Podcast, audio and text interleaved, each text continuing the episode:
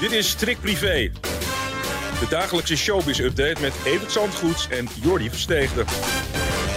Een verse aflevering. En ik vroeg me even af, Evert, hoe lang moeten we nog doorgaan met onze zomertune? Want het is bijna september nu. Nou, ik zit nog steeds op die zomer te wachten. Dus ik, ik hou hoop. Ik ben jarig half september en dat is Oh. meestal mooi weer. Dus ik eh, Ah, mm. nou, hou nog hoop. Maar tot september gaan we er nog even mee door. Dan Nou. sluiten we hem af met The Wallabies. Ik kan nu al niet wachten tot het einde van deze podcast. Maar eerst even naar het begin. We gaan eh, naar het laatste nieuws. ja. Naar de rechtbank. Ja, dat is op dit moment gaande in Den Bosch. De rechtszaak tegen de daders van de, eh, ja, die gruwelijke overval op eh, Mark Gillis. Drie jaar geleden volgens mij. En waarom- dat komt nu pas voor. Het is werkelijk onbestaanbaar. En wat ik ook onbestaanbaar vind, is dat een van die daders gewoon zegt: Nou, ik ga daar niet naartoe. Ik blijf in mijn celletje. Want al die media-aandacht, daar zit ik niet op te wachten. Ik vind dat werkelijk onderdeel van je straf. Dat je daar gewoon eens gaat aanhoren wat je hebt aangericht. Wat je in dat leven van die Mark hebt bewerkstelligd. Ja. En wat de gevolgen zijn voor zo'n jongen. En dat justitie dan gewoon zegt, ah, blijf jij maar in je cel dan, dat snappen we. Ik Ja. vind dat werkelijk, ik had hem aan zijn haren er naartoe gesleept. Ik zat net even op Twitter mee te lezen wat er nu allemaal verklaard wordt daar. En nou, er is dus één verdachte die heeft gezegd... we wilden hem niet overvallen, maar we willen, wilden verhaal halen. Omdat er iets gebeurd is eh, tussen ons en eh, dat wilden we daar uitvechten. Maar ja, dat vind ik heel, heel raar. Nooit eerder gehoord. En Nee. dat komt hij dan nu ineens. Hij heeft er Ja. drie jaar over na kunnen denken. Maar Ja. het is, laten we hopen dat hij snel zijn straf krijgt. Dat heeft allemaal al veel te lang geduurd. Ja. Iedereen moet door met zijn leven. En dat geldt vooral voor Mark. Die eh, nog steeds achterom kijkt als hij over zijn eigen terrein loopt. Ja, nou ja, wie eh, ook doorgaat met haar leven is Glennis Grace. En dat lukt een stuk beter nu ze Ja. een, een grote opdracht heeft. Jan Uriot had daar een mooie primeur over eh, gisteravond. En eh Glennis gaat weer aan het werk. En dat, dat gunnen we er op zich natuurlijk van harte. Maar het is ook een prestigieuze show. De dinnershows van Frank Wentink zijn beroemd. Heel wat mensen zijn met hun werk daar naartoe gegaan.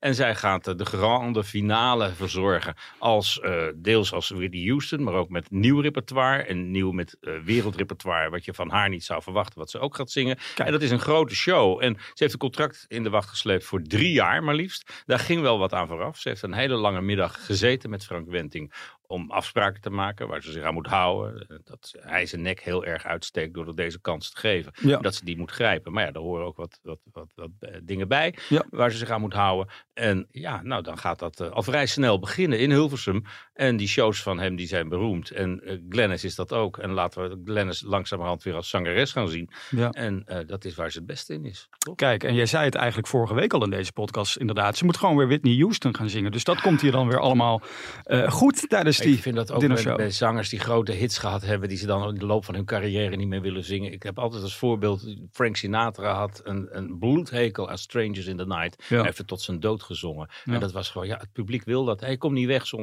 sommige dingen. Ja. En bij Glennis heb je gewoon van, ja, zing vooral Whitney Houston.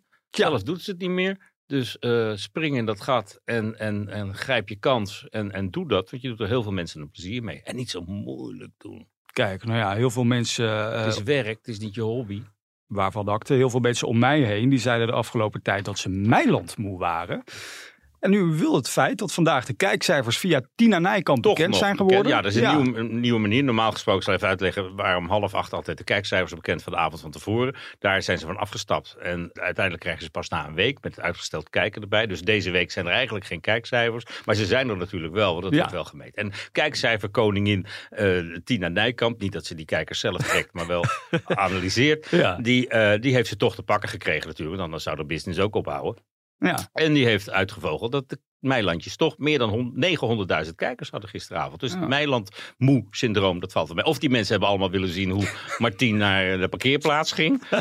maar dat zit er niet in, want dat is jaren geleden gebeurd een keer. ja. En ja, ik, ik vind het eh, eigenlijk niet zo heel erg verbazend. Want ja, ze zijn natuurlijk nog steeds wel gekkig. En op die maandagavond hebben ze hun eigen plek veroverd. Hm. En ik was ook wel weer benieuwd hoe het allemaal ging. ja. En het gegil was weer niet van de lucht. Dus dan is het toch op zijn leukst. En eh, nou ja, we hebben het eh, vorige week gehad over dat boek van Carolien. Daar heeft nu Martien ook op gereageerd bij RTL Boulevard. Daar zei hij het volgende over. Wij lagen helemaal in de deuk. Ja, werkelijk waar. Ja, als dat de high is uit het boek, dan denk ik dat het niet, eh, Net als haar tv-carrière van mevrouw Van Eem is natuurlijk ook niet lekker gegaan. En het klopt wel. Ja, zeker. Ja, maar Ja. lang geleden. Ja, zeker. Toen ik, ik ben natuurlijk 40 was ik toen ik uit de kast kwam. Ja, ik wilde dat allemaal gaan ontdekken. Ja, dit ging over die parkeerplaatsen inderdaad. Dat Ja. dat allemaal waar is, ja. Ja, maar dit is de perfecte reactie natuurlijk. Gewoon toegeven, het is zo, maar lang geleden. En ja, dat heb ik toen allemaal willen uitvolgen. Maar eigenlijk wat wij gisterochtend hier ook al, al zeiden. Je zou wel kunnen denken dat Martine een beetje vals is. Hè? Als hij zegt van die tv-carrière is ook niet echt van de grond gekomen. Ja, het is modder gooien. Maar ja, tegelijkertijd, eh, Jan Dijkgraaf, de schrijver van die boeken van eh, de Meilandjes, die twitterde vandaag dat ze de vijfde druk hebben besteld eh, van het boek van Maxime. En dat hebben ze dan weer te danken aan de, de ophef rondom dit boek weer. Dus het versterkt elkaar ook alleen maar weer. Dus Ja. wat dat betreft, Toch denk ik dat mensen wel nieuwsgierig worden naar het boek over de Meilandjes. Want dat is weer eens wat anders. Maar Ja. ja, ja maar ja, je kan ook. Ja, nou, we gaan het allemaal wel, eh, wel zien. Arjen Lubach, daar wil ik het even over hebben. Die is een beetje boos op de organisatie van de Gouden Televisiering. Ehm, hij mag namelijk niet genomineerd worden met zijn dagelijkse talkshow die hij nu natuurlijk maakt. Dus een one-man show. Omdat hij te veel lijkt op die. Ja. op ja, maar dat hebben we bij VI natuurlijk ook al een keer gezien. En je, als je ineens je programma anders gaat noemen, maar de formule nauwelijks verandert. Mm. Ja, dan kan je niet twee. Je kan niet twee keer de televisiering winnen. Nee, Nee. nee, dus ja, wat dat betreft. Ja, Ik je wist zit- niet dat hij daar zo gevoelig voor was voor de Nee. televisieprijs. Want hij doet alsof het hem allemaal niet zo heel erg interesseert. Nee, ja, ik bedoel, bedoel, ja, ik vind het hem ook niet echt heel erg staan. We hebben die hele ophef vorig jaar al een keer gehad. Dat denk ik, joh, en door. En wat maakt die prijs nou uit? Er kijken toch 2 miljoen mensen naar je programma, zoiets. Dus hij heeft geen prijs nodig, volgens mij, toch? Volgens mij is de prijs de kijkcijfers die eh, Tina Nijkamp wel weer boven water gaat krijgen. Ja, precies. Tot slot nog even uh, Sylvie Meis. Sylvie Meis. Ja, eh, zij laat steeds meer los over haar datingleven. Nu ook weer in de beeld zegt ze... Nou, als ik dan op mijn zestigste nog geen liefde heb... dan ga ik op een dating app. Dus ja, ik ken een hoop mannen die zitten nu al te wachten totdat ze 60 is. Want ja, die, die willen natuurlijk ook allemaal kans maken op Sylvie Ja, Meis. maar Maar, ja, ze nou echt nog geen liefde hebben of weer geen liefde?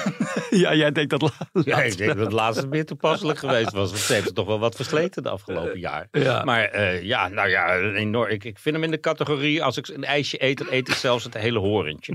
maar ja, Sylvie heeft wel andere kanalen dan eh, dating apps om aan de man te komen. Heeft ze de afgelopen jaren laten zien. En dat houden we ook in de gaten. Leuk tasje, nieuw tasje erbij. En ze kan gewoon weer eh, eh, naar elk feestje waar ze voor uitgenodigd wordt. Kijk, wij zijn er doorheen. En je hebt het al beloofd aan het begin van de podcast. Ja, nog even het zomergevoel.